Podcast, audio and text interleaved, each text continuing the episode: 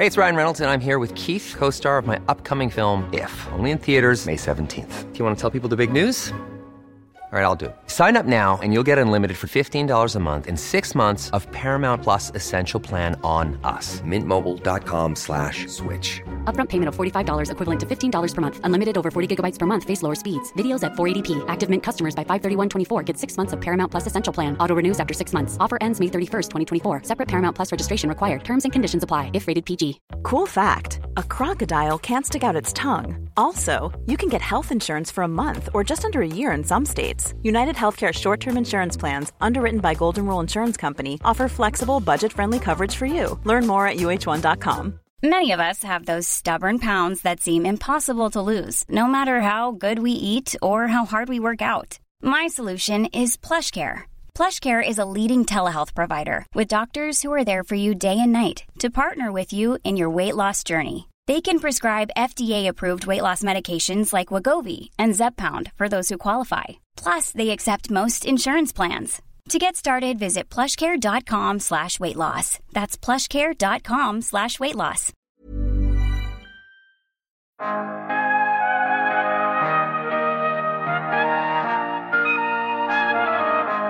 Nu börjar de flesta förstå hur man jobbar på distans på ett bra sätt och har förstått mekanismerna.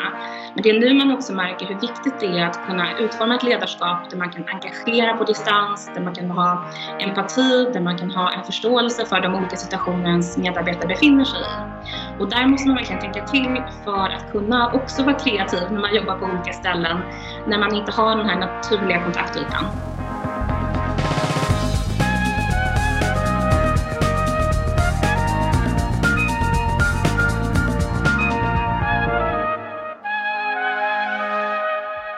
Hej och välkomna till podden Allt du behöver veta om ny teknik. Jag heter Per Danielsson. Vi är ju många som det senaste året brytt arbetsplatsen mot hemmakontoret. Digitala möten har blivit en del av vår vardag. Vi sitter ofta i många Teamsmöten eller Zoom-möten som avlöser varandra. Och det här är ju effektivt på många sätt. Men kan lika gärna vara dränerande, inte minst i bristen på det mänskliga mötet. Så hur ska man egentligen göra för att få en bra digital arbetsdag? Idag gästas podden av digitaliseringsstjärnan Claudia Olsson. Hon ska bland annat berätta om vad som krävs av chefer när grupper bara möts digitalt. Och vad kännetecknar egentligen en bra digital ledare och varför så kallade power skills bara blir viktigare och viktigare. Claudia kommer också berätta varför det är så viktigt att arbeta extra mycket med empati och vara noga med hur man kommunicerar i skrift när alla sitter och jobbar hemifrån. Vi kommer också prata om hur de olika hemmaförhållandena påverkar möjligheten att driva en verksamhet åt samma håll. Och givetvis så kommer vi även testa hur digital Claudia är. Lever hon som hon lär? Hej Claudia, välkommen till podden. Tusen tack. Du är ju någon form av superstjärna inom digitalisering och digitalt lärande och kanske även digital transformation. Det är i alla fall den känslan man får när man gör lite research på dig. Hur kom det sig att du kom in på ingenjörs och teknikspåret då eh, som ung? Jag har alltid brunnit väldigt mycket för att just förstå hur man kan lösa olika utmaningar.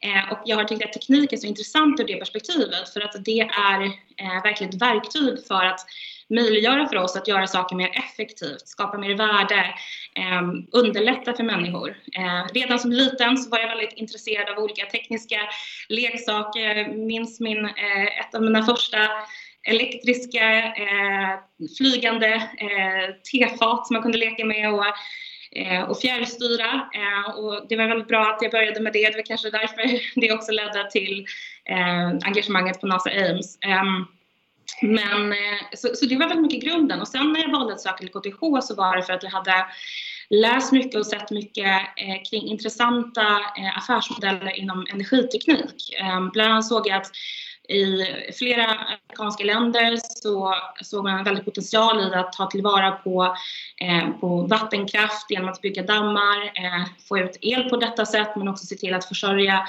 befolkningen med eh, vattentillgång under hela året eh, genom en väldigt smart affärsmodell egentligen. Och att på så sätt kunna förena affärsintressen med teknik, med en positiv påverkan och impact för människor tyckte jag var extremt intressant. Så det var därför jag sökte mig till KTH och det har också varit väldigt mycket den röda tråden i mitt arbete. Just hur kan vi använda tekniken för att driva positiv utveckling? Mm. Vi ska ju prata mycket mer om digitalt lärande både nu och i framtiden, men först tänkte jag testa dig lite grann. Och det är hur pass digital du är. Är du beredd? Ja. Är, är du chippad på något sätt? Jag är inte chippad. Varför inte? Därför att jag, jag känner bland annat cyborgs. Jag känner en cyborg som jag träffat som har uppgraderat sina sinnen. Ehm, och jag har flera vänner som har chippat sig. Men jag ser att jag hellre potentiellt utvärderar kommande generationer av, eh, av chip och av tillämpningsområden. Än så länge så ser jag att eh, användningsområdena är så pass begränsade att jag hellre vill vänta på senare eh, versioner som är mer ehm, ja, som man kan använda inom fler områden. Men tror du att du kommer chippa dig i en framtid? Jag är öppen för teknik eh, och speciellt teknik som på olika sätt tillför ett positivt värde som hjälper mig att hantera vardagen bättre. Så att kan jag använda ett sånt chip skulle jag absolut vara öppen för det. Mm. Eh, när jag var i Singapore så eh, var, jag, eh, var jag med och gav input till, till en rapport som Eh, regeringen bland annat tog fram kring framtidens möjligheter till chippning, vilken typ av olika funktioner den typen av chip skulle kunna ha. Eh, och jag tycker det är väldigt intressant. Vi måste tänka framåt och förstå vad det innebär när tekniken kan stärka upp våra mänskliga egenskaper på olika sätt. Eh, men jag, jag är väldigt intresserad av det. Jag tycker, jag tycker det är viktigt att studera och tänka kring det. Men jag kanske själv inte vill vara en av dem som har de första generationerna av chip därför att jag helt enkelt gärna vill ha eh, fler olika funktioner att kunna mm. använda i. Någon annan får begå misstagen helt enkelt. Använder du någon form av kroppsnära teknik då? Eh, jag använder en Apple Watch, eh, har använt Fitbit tidigare och tycker det är extremt intressant från den datan som samlas in. Speciellt nu med de senaste generationerna där man får mycket mer data och där också sensorerna blir bättre och bättre. Och med mer tillämpad analys så kan vi också förstå bättre hur olika data hänger samman så man får en bättre helhetsbild. Mm. Hur mycket skärmtid har du i mobilen per dag i snitt? Åh, mycket bra fråga. Jag har eh, kombination av skärmtid på jobbet och skärmtid hemma. Eh, men jag tycker det är viktigt att växla. Växla skärm eller? Eh, växla mellan att, att ha skärmtid och använda skärm och att, eh, att vara mer analog också under vissa tillfällen så att hjärnan får vila. Så att jag skulle säga, det är svårt att uppskatta antal timmar. Det är väl den tid man jobbar men där har man också en hel del möten. Det har ju definitivt gått upp under det senaste året när vi har mer och mer digitala möten och inte träffas lika mycket fysiskt på det sättet. All right. Apple eller Android? Apple får jag säga eftersom jag framförallt använder Apple, tycker väldigt mycket om användarvänligheten på många sätt. Mm. Bitcoin eller sedlar? ja, jag skulle definitivt då säga bitcoin eftersom sedlar verkligen är någonting som jag ser är på väg ut i användande. Eh, det är intressant hur eh, man kan på ett annat sätt spåra sina transaktioner i eh, med hjälp av bitcoin och ha en transparens kring detta. Däremot så skulle jag inte se det här som någon slags investeringsråd utan om jag måste välja mellan sedlar och bitcoin så är det bitcoin. Ja. Är du en sån som åker elsparkcykel på stan? Det är jag inte, men det är framförallt för att jag bor så pass nära att jag fortfarande kan promenera och det tycker jag också är bra eh, för att göra min Apple Watch glad. Mm. Och min räknare. Ja, det låter bra. Har du någon app som du inte kan vara utan? Nu de senaste veckorna har jag utforskat Clubhouse mycket, som är den nya plattformen för dialog eh, och ett ny, nytt forum, eh, nytt socialt media. Eh, men annars skulle jag väl säga att det är väldigt mycket produktivitetsapparna mm. som jag använder. Och tekniksajt som du alltid läser då?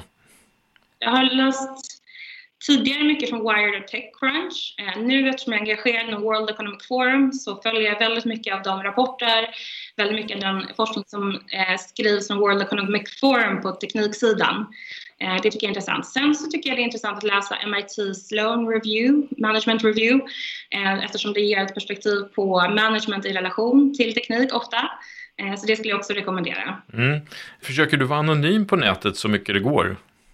Jag försöker att vara medveten. Ehm, I vissa fall så, ehm, så tycker jag det är värt att utforska plattformar för att kunna få den värde eh, som de här plattformarna erbjuder. Ehm, men jag är också medveten om att jag försöker förstå hur olika plattformar använder min data och då och då återbesöker jag också eh, datainsamlingen och ser hur, vad jag vill ta bort, vilken historik jag vill radera och vad jag vill ha kvar. Finns det någon form av teknik som du verkligen skulle vilja vara expert på som du inte är expert på idag? Om det finns område som jag tycker är extremt intressant så är det syntetisk biologi. Eh, det är när man börjar se cellen som en dator och DNA som kod som både kan läsas och skrivas. Ehm, det är ett, verkligen ett framtidsområde och jag ser att man kommer kunna skapa så mycket nya intressanta eh, mikroorganismer med olika egenskaper. Man kommer också kunna göra väldigt stora medicinska framsteg. Eh, så att hade jag haft mycket mer tid så hade jag definitivt skaffat mig en större fördjupning även inom biotech. Skulle man kunna säga att du har eh, power skills? Det vill jag absolut tro, men power skills är också någonting som man behöver odla löpande. Eh, power skills är någonting som vi eh, på Stellar Capacity jobbar jättemycket med eh, och hjälper våra organisationer och våra, våra kunder att egentligen öka förmågan att samarbeta, att vara kreativ, att vara innovativ i relation till tekniken och digitaliseringen.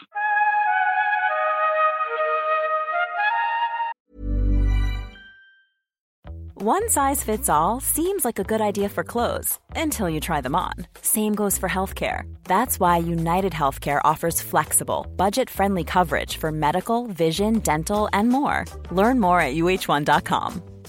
It's that time of the year. Your vacation is coming up. You can already hear the beach waves, feel the warm breeze, relax, and think about work. You really, really want it all to work out while you're away. Monday.com gives you and the team that peace of mind. When all work is on one platform and everyone's in sync, things just flow wherever you are. Tap the banner to go to Monday.com. When you're ready to pop the question, the last thing you want to do is second guess the ring.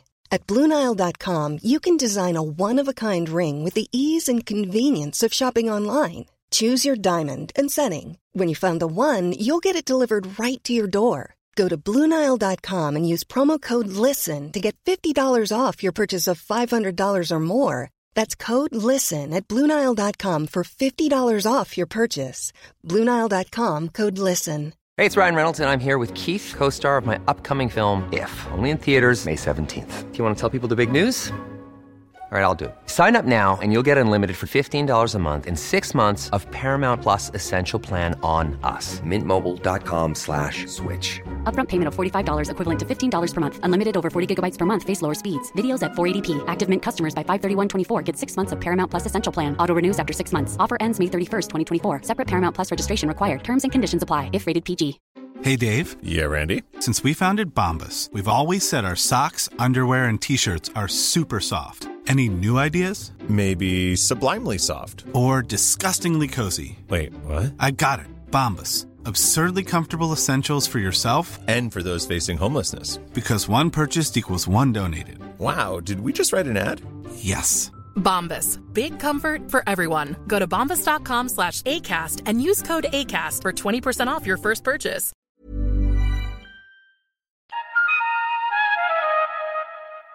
Du nämnde ju Stellar Capacity som idag, du är ju vd och grundare. Kan inte du berätta varför du startade det här företaget?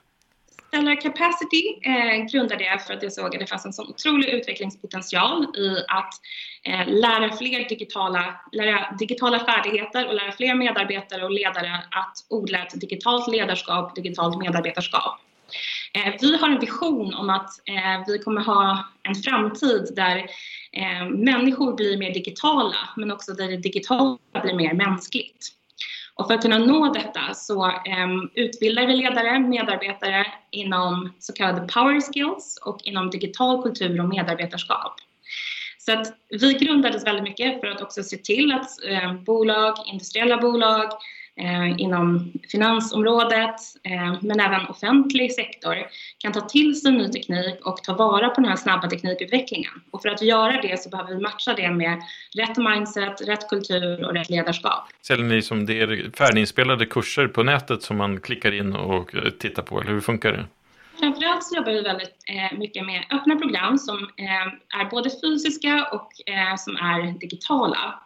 Eh, och våra öppna program som går varje höst och vår, eh, Stellar Executive Program, samlar ledare och chefer från olika sektorer som vill bättre förstå hur man just eh, leder digital förändring hur man får med sig människor i digital förändring, hur man formar en mer digital kultur, hur man ser till att ens team blir mer självorganiserande och också hur får man människor att vilja förändras.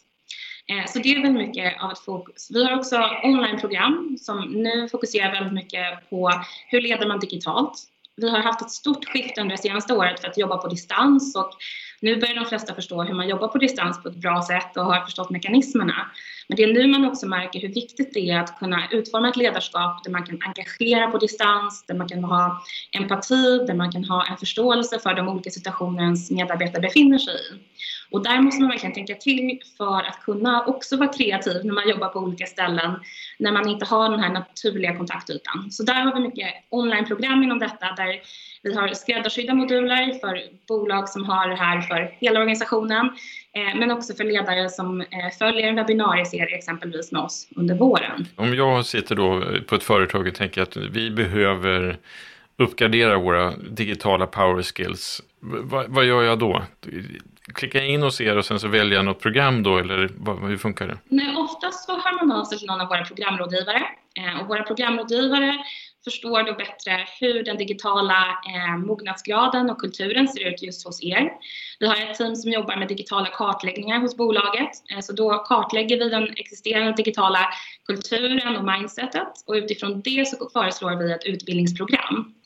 Eh, så för flera eh, organisationer så har vi jobbat med eh, egentligen program både för chefer och ledare men också för medarbetare i organisationen som då både digitalt men också i fysiska träffar i realtid ehm, lär från vår fakultet och från den typen av eh, programdesign vi skapar. Och hur många är det som har gått de här kurserna fram till idag då? Om vi kollar på hur många som har deltagit i någon av våra föreläsningar eller i någon av våra workshops eller program. Vi börjar närma oss kring 100 000 personer som på olika sätt tagit del av våra moduler. Eh, under det senaste året har vi växt mycket i Latinamerika, vilket har varit jätteroligt, eh, men också i Europa. Det är också väldigt roligt att få växa mycket med eh, internationella bolag som har en svensk koppling och en svensk grund. Men, men, betyder det här också att vi kommer ha betydligt fler personer som poppar ut från era utbildningar som kommer slänga sig med termer som digitalisering, digital, digital transformation, men nu kanske de förstår egentligen vad de pratar om? Ja, precis. Någonting som vi också gör är att försöka ta bort den här dimensionen av att man använder buzzwords utan att egentligen förstå vad det här handlar om. Så vi går på djupet inom att förstå vad innebär artificiell intelligens eh, och maskininlärning egentligen? Vad är skillnaden? Hur kan vi jobba med det konkret hos oss?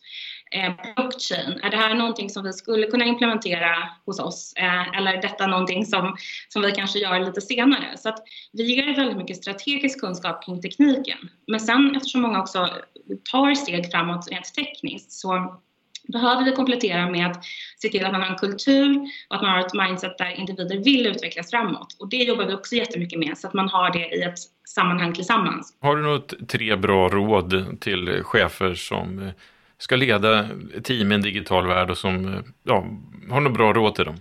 Det första som jag tror att eh, de flesta chefer och ledare behöver ta till sig nu är att eh, världen har blivit mycket mer nätverkad.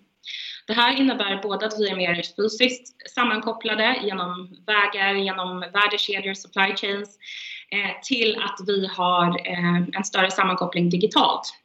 Det här gör också att vi behöver se vårt ledarskap och Eh, våra, våra affärsmodeller men också våra organisationer mycket mer som nätverksstrukturer eh, och inte enbart hierarkiska eh, former med, med klara avgränsningar mellan vad som är internt och externt exempelvis.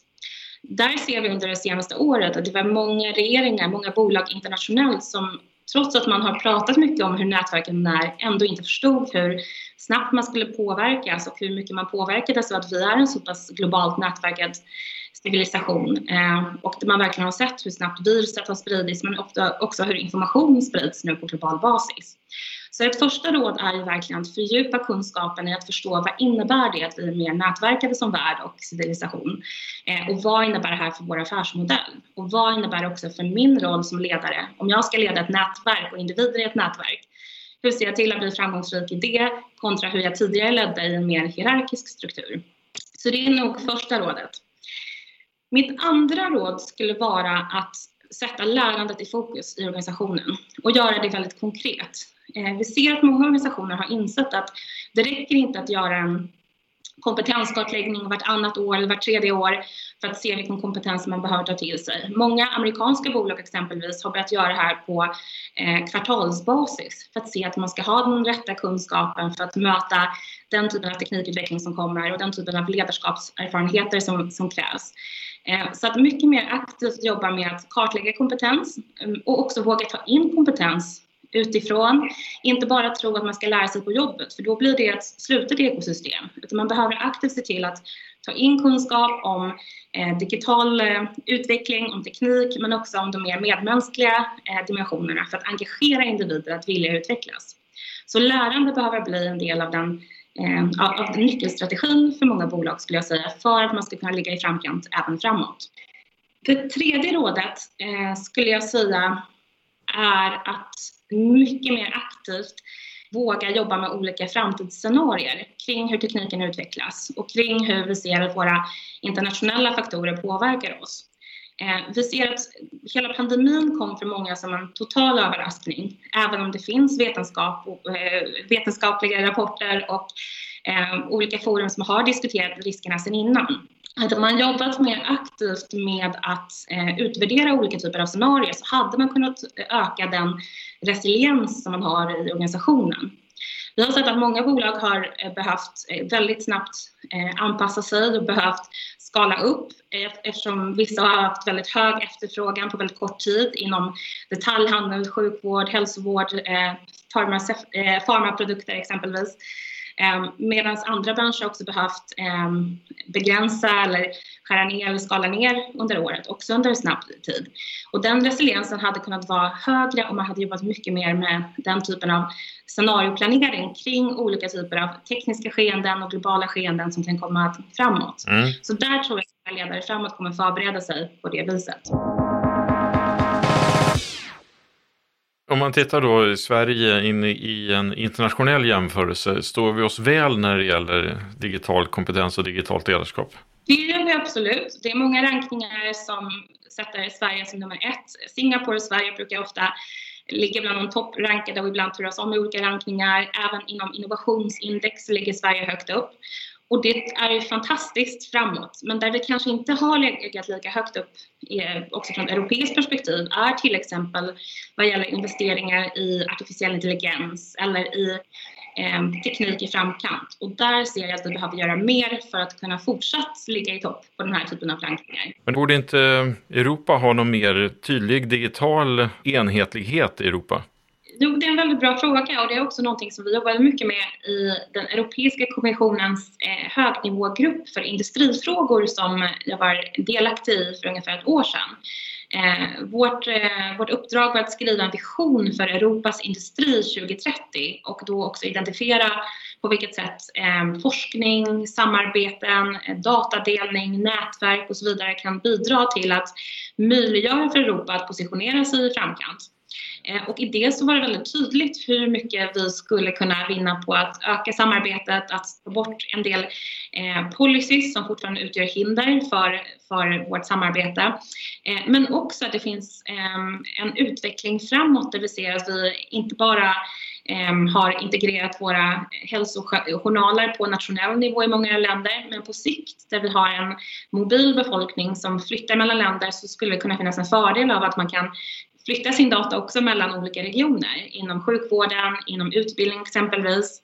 Om man nu vill verifiera eh, betygsutdrag som man har från ett land till ett annat så är det oftast en ganska lång administrativ process. Men skulle man kunna ha databaser som delas inom Europa eh, för olika viktiga områden även inom detta så skulle man verkligen kunna eh, minska den friktionen som finns vad gäller mobilitet och samverkan. Men det låter ju som en önskedröm när vi inte ens i Sverige klarar av att lyckas med det här. Det är definitivt någonting som inte kommer ske under de närmsta åren. Men samtidigt så ser vi som sagt att vi blir mer och mer nätverkade så att vi måste börja jobba mot den typen av vision och eh, ta vara på, den, eh, på det faktumet att vi har så mycket kompetens inom Europa.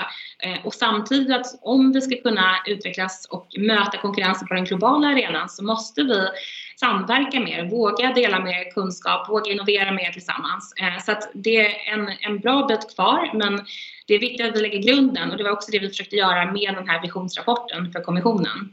Men du är rätt engagerad i det här, eller hur? Du brinner ju lite för det. Jag är definitivt intresserad av frågorna. Jag har också bott i många olika länder. Jag har studerat i Tyskland och Frankrike. Jag har eh, haft en praktik i Polen eh, och jag har också då bott i Asien och USA och ser att ju mer vi kan samverka på europeisk nivå, desto mer kan vi ta tillvara på teknikens möjligheter.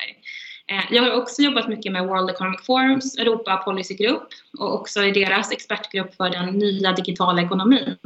Eh, och där ser vi också att eh, om man, mycket av vår globala ekonomi Eh, påverkas också utifrån de stora eh, digitala plattformar som, som skapas och som tar större och större plats inom handel och inom flera olika områden. Och där behöver Europa vidare positionera sig också med, med mm, ja, bolag för den nya digitala ekonomin. Men, men är det inte bättre att Sverige går i bräschen så att vi, vi lägger all kraft på att utveckla oss själva istället för att hålla på och att utveckla Europa? Jag tycker absolut att Sverige ska utvecklas framåt men eh, det gör ju också andra europeiska länder och kan vi eh, bygga på varandras kunskap så kan vi röra oss framåt snabbare. Speciellt som vi möter en otroligt snabb digital utveckling, exempelvis i Kina med, jag tror det är mer än 1,4 miljarder kineser i nuläget som, som utgör befolkningen och där vi också ser att eh, utvecklingen går väldigt snabbt framåt. Så att absolut ska Sverige göra sitt, sitt bästa för att positionera sig i framkant men vi bör också samarbeta på nordisk nivå och europeisk nivå.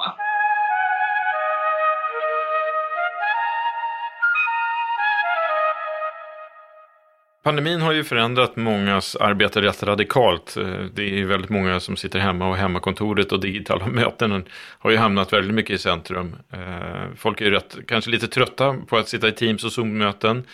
Men tror du att man kan se det här året som någon form av eh, trial and error-period för hur man lär sig att jobba digitalt? Absolut. Jag skulle säga att det definitivt varit en period där man verkligen accelererat eh, sitt kunnande men också man har sett hur mycket man kan lära på en kort tid. Innan den här krisen kom så var det många som hade planer för en digital transformationsresa som sträcker sig över flera år framåt. Men nu har vi ändå sett hur kapabla och hur öppna individer är för att faktiskt kunna ta till sig nya verktyg, att kunna lära och vilja lära. Eh, och jag tror att just den delen gäller att ta, ta fasta på fortsatt framåt också. Så att det momentumet vi har haft i att ställa om och lära nya verktyg, lära nya metoder måste vi ta vara på framåt också. Vilka skulle du säga är de viktigaste lärdomarna under det här året med digitala möten eh, som du har, har lärt dig? Jag skulle säga att eh, någonting som vi definitivt har lärt oss är att man behöver eh, utveckla ett ledarskap som är mer empatiskt. Eh, tidigare har man kunnat eh, vara mer auktorativ, man har kunnat engagera mer genom instruktion till grupper. Eh, nu när man befinner sig i väldigt olika livssituationer, man jobbar från, från hemmet, så blir det viktigt att man blir mer inlyssnande, att man kan visa medkänsla och att man verkligen kan möta individer i de olika situationer de befinner sig i när man jobbar på, på samma bolag. Men betyder det att om jag vill vara en, en proffsig chef i, i ett digitalt ekosystem med mina medarbetare så är det empati som jag måste jobba mycket mer med? Om jag nu har problem med det. Jag tror inte det bara är om du har problem med det, men jag tror att det är en styrka som verkligen ledare har. Eh, men jag tror också att någonting man behöver eh, anpassa sig för är att jobba mer asynkront. Eh, när man jobbar asynkront, det vill säga inom eh, olika tider, en del inom olika tidszoner, en del för att de väljer att jobba tidigt eller sent, då behöver man också tänka över hur transparensen inom organisationen ser ut. Hur delar man information mellan varandra? Det blir viktigt att kunna visa hur beslut har fast, eh, fattats med hjälp av dokumentation. Och man behöver också tänka över hur man faktiskt ger återkoppling eftersom man gör det oftast i skriftlig form.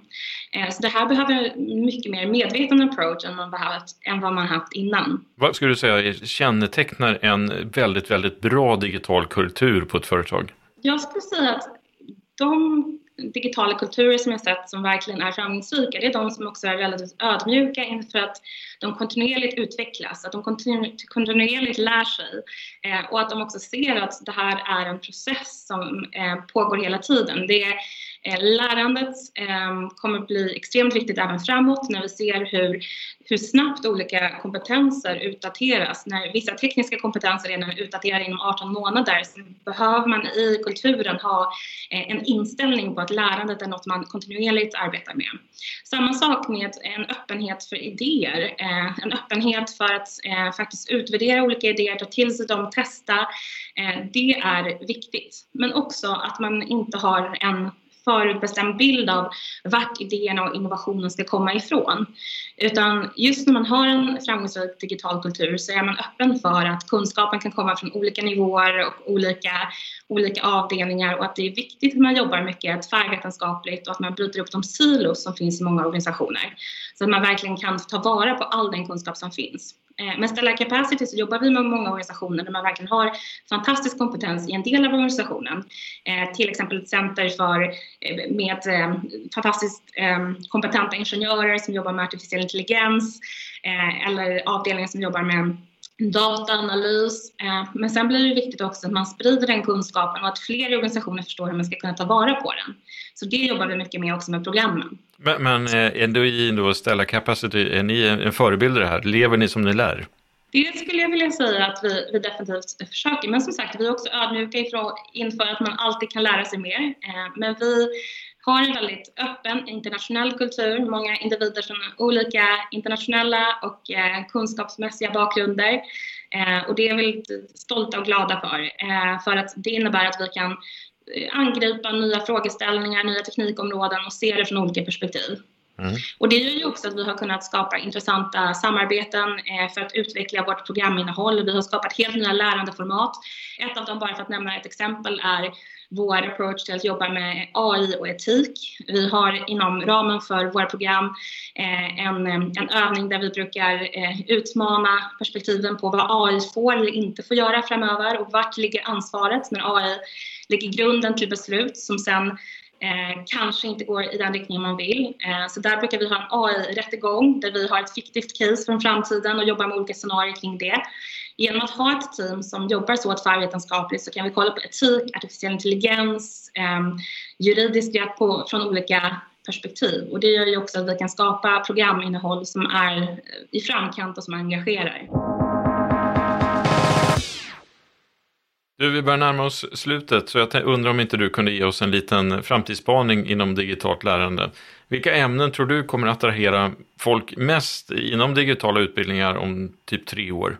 Om tre år så skulle jag säga att fler och fler har verkligen förstått vikten av att eh, implementera lärande som en viktig del av eh, organisationen och då vet man också att eftersom teknik utvecklas kontinuerligt så kommer man behöva ha ett fokus på att lära både om de tekniska områdena men att också utveckla den sociala kompetensen i organisationen.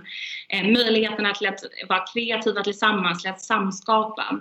Eh, man kommer också vilja lära mer om hur man jobbar mer som en nätverkad organisation eh, och hur man samarbetar bättre med strategiska partnerskap i sitt ekosystem men också eh, internt i organisationen. Det tror jag att fler och fler organisationer kommer att satsa på. Och också den här typen av power skills, power skills som vi diskuterade som möjliggör för individer att eh, kunna ta vara på den tekniska kompetensen. Eh, så det tror jag kommer att vara viktigt framåt. Härligt. Stort tack för att du kom till podden Claudia. Tusen tack. Trevligt. Tack för att du har lyssnat på veckans avsnitt. Klicka gärna på prenumerera så missar du inget av våra kommande avsnitt. Vi hörs nästa vecka. Tack så mycket. Hej då!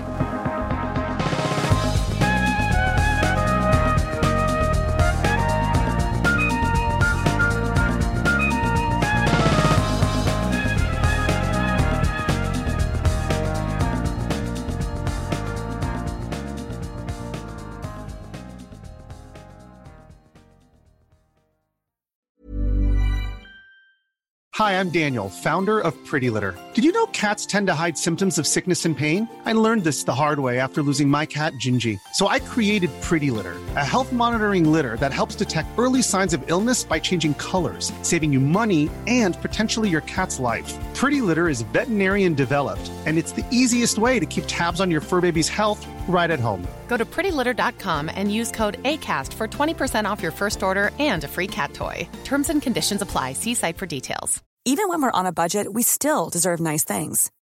Quince is a place to scoop up stunning high end goods for 50 to 80% less than similar brands.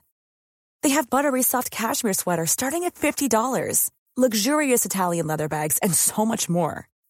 Plus, Quince only works with factories that use safe, ethical, and responsible manufacturing. Get the high-end goods you'll love without the high price tag with Quince. Go to quince.com slash style for free shipping and 365-day returns.